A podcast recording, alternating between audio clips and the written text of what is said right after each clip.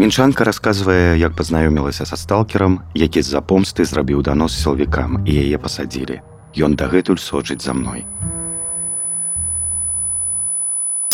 Сіцідок запускае серыю падкастаў мінск без голасу. Мы размаўляем з мінчукамі на розныя тэмы. У Беларусі масавыя рэпрэсіі маўчаць зараз бяспечней, чым гаварыць. І таму людзі нібыта губляюць свой голас але ім важна выгаварыцца, каб распавесці пра сваё жыццё сёння летом восенню 2023 года. Калі вам спадабаецца наш падкаст мінск без голасу, не забудзьцеся падпісацца на яго, каб слухаць новыя выпускі. І натуральна, мы будзем удзячныя вам, калі вы пакінеце свой водгук на платформе. Гэта вельмі дапамагае нам у развіцці праекта. Важна, У мэтах бяспекі голасам галоўнай гераіні гаворыць прафесійная акторка.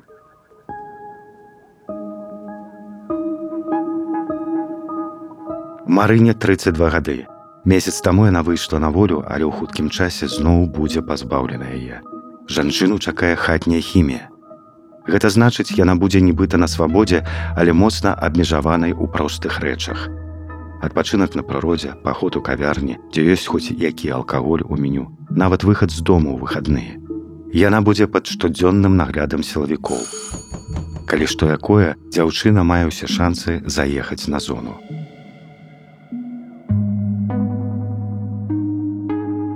Мы сустракаемся на лецішчы марыніных сяброў заходзіць сонца мы сядзім ля вогнішча размаўляем А я спрабую зразумець, чаму моя гераіня прабачыла ўсім і сілавікам і суддзям і таму хлопцу, якому яна адмовіла і які за гэта напісаў на яе данос. Дзяўчына атрымала тры гады хатняй хіміі. Частка першая пра бацькоў і адзіноту. Як у цябе за бацькамі? З бацькамі на могілках мае бацькі. Тата памёр даўно, мама памерла ў 2020 годзе, калі толькі пачаўся кавід. Мяне вельмі злавала, калі па тэлевізары казалі, што кавіду няма, лячыцеся трактарамі, а ў цябе памірае родны чалавек. Не дзяржавая, не хвалёная бясплатная медыцына, а простыя людзі валанцёраць, каб хоць крыху закрыць патрэбу ў тых жа масках. Як думаеш, яна падтрымала твае каштоўнасці, Ну, калі б яна застала той час, як мяне затрымлівалі, калі б ведала, што я прабыла за кратамі больш за тры месяцы, то змяніла б свой погляд. Менавіта гэты момант я назірала ў іншых людзей. Адзін з апошніх прыкладаў, што я бачыла, гэта мае суседзі, у якіх затрымалі сына. У першы дзень па вачах бацькоў было відаць, што яны не разумеюць, чаму так адбываецца. Ім было сорамна.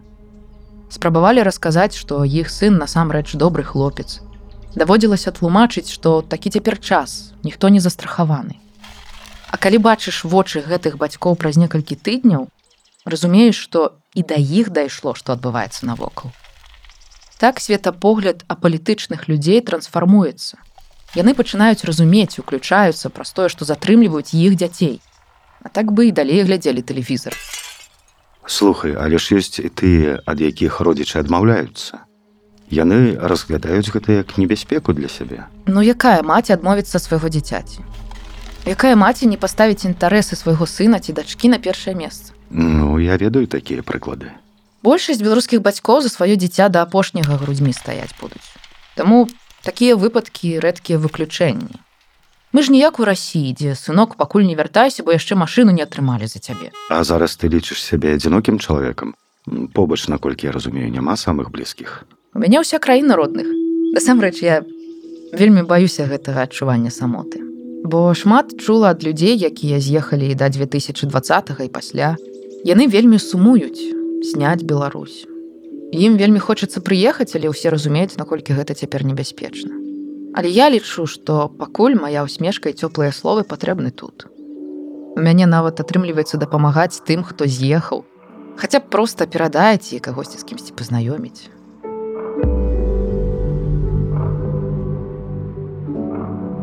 Частка другая пра сталкера, які зрабіў данос за помсты.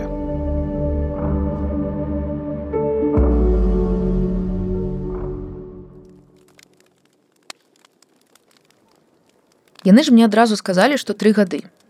Казалі, што пасадзяць надоўга і павезлі кудысьці. Паперы я падпісала па фотаздымках з маршу. Калі ўбачыла, што на гэтых фотках дакладна я, дык што ўжо ім казаць.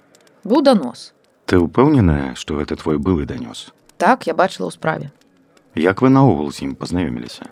Нас агульны сябар пазнаёміў. Гэты хлопец быў з нашых, таксама хадзіў на марш, расклейваў налепкі, распаўсюджваў сам выдат. Мы пару месяцаў з ім размаўлялі, я прыглядалася, але потым зразумела, што ну, зусім не мой. І я адмовіла. Ён бесперапынна казаў, што толькі з ім мне будзе добра, а без яго кепска. Ну і пачаў усімі даступнымі сродкамі рабіць мне кепска. У падатковую спачатку напісаў данос. Як я потым даведалася, незаўважна спампаваў з майго кампа здымкі з маршаў і даслаў сілавікам. Які гамон. Гэта ж сталкер. Ну, на жаль, такое здараецца. Так я не расказала пра тры гады. Дык вось. Вязуць яны мяне ў раус, і пужаюць таму што я не падпісала паперу нібыта я вясне зліваю інфармацыю яны толькі знайшлі нейкія фотаздымкі хацелі каб я падпісала тое што я дакладна не рабіла але яны не верылі і казалі што пасадзяць і за гэта таксама гэта мой былы мужчына напісаў у даносе быццам я арганізатарка ўсяго чаго толькі можна было. Яны меркавалі што зараз забяруць самую галоўную. А потым зразумелі што трапілі не на тую і імкнуліся нацягнуць саву на глобус. А ніякіх доказаў няма. Яны празорачкі на пагонах марылі, а тут трохі не атрымліваецца. Яны мне кажуць: сядзеш надоўга. Але ў маім успрыняцці надоўга гэта на 20-25 гадоў, як у ціханаўскага, ці можа на пажыццёвае. Ну, таму я і запыталася ў іх. Надоўга гэта на 20 гадоў. Яны здзівіліся і кажуць, што гадоў на 7 сяду. Я і адказала, што гэта не шмат, Дык яны мне ўсю дарогу даказвалі, што я не разумею, як гэта доўга на самой справе. А пра таго чалавека, які на цябе данос напісаў, ты што думаеш? Мне яго шкада. Это псіхічна хворы чалавек. Думаю, людзі павінны ведаць яго прозвішча. Якім чынам гэта зрабіць яшчэ не вырашыла, можа ёсць спісы сталкераў, каб яго туды занесці і каб людзі ведалі.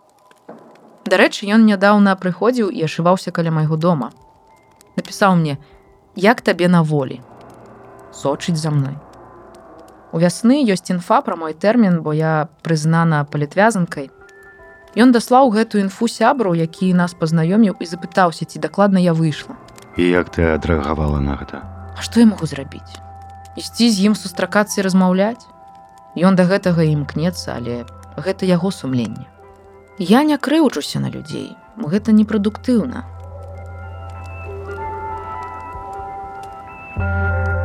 Частка трэцяя пра тое, што адчувае чалавек паміж двума несвабодамі.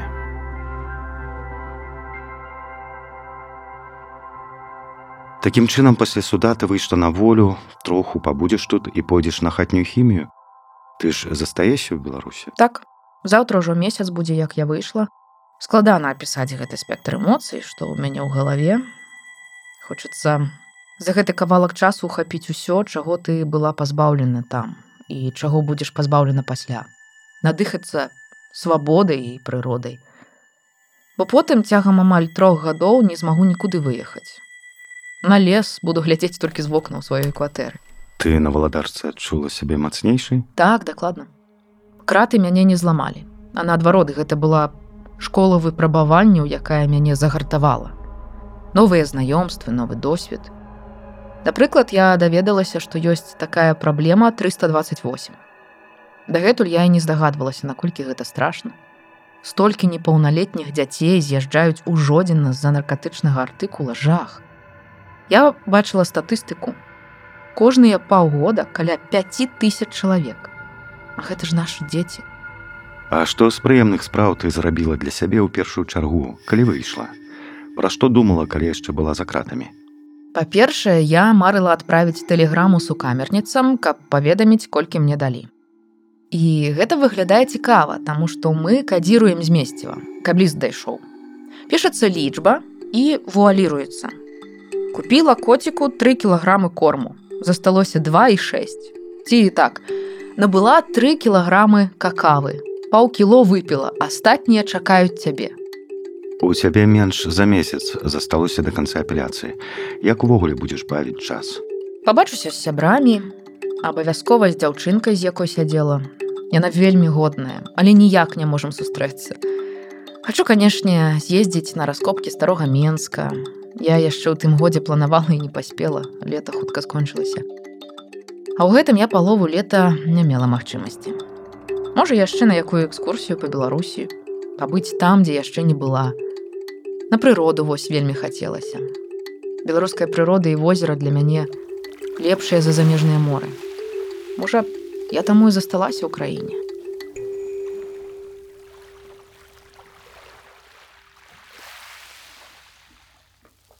Частка чацвёртая пра магчымасць з'ехаць з Беларусі і жаданне застацца. Хтосьці прапаноўвае з'язджаць. Я разглядаю такі варыянт, але я вельмі люблю Беларусь. Калі б настолькі баялася, то з'ехала б яшчэ ў 2020 годзе. Мяне нічога тут не трымае пасля смерці бацькоў. Але я лічу, што ў краіне павінны заставацца людзі, якія не баяцца, могуць падтрымаць іншых і дапамагчы ім. І гэта не абавязкова фінансы. Я бачыла за кратамі. Калі ты пераадольваеш свой страх, просто падыходзіш да чалавека і спрабуеш яго падтрымаць, гэта найбольш каштоўна. Менавіта падтрымка адзін аднаго вельмі важная. А ты чытаеш, што пішуць людзі, якія з'ехалі адносна тых, хто застаўся. Яны не кажуць, што ты дурная. Не пытаюцца, чаго тут сядзіш і не эвакуюйся. Не, менавіта мае сябры так не кажуць. Толькі прапануюць дапамогу, калі я вырашу пераехаць. Кажуць, што хімія гэта складана. І сапраўды так, але пакуль я буду адчуваць сваю патрэбу быць у Беларусі і прыносіць карысць людзям, я буду тут. Ты спадзяешся, што самае горшае ўжо здарылася. Я, канешне, аптымістка, але не настолькі. Я разумею, што краіна яшчэ не дайшла да таго моманту, які стане пераломным. Яшчэ крышку трэба папакутаваць. Ну, я так адчуваю. Усё роўна людзі прачнуліся. І гэтае змяненне павінна адбыцца. Наколькі хутка, я не ведаю.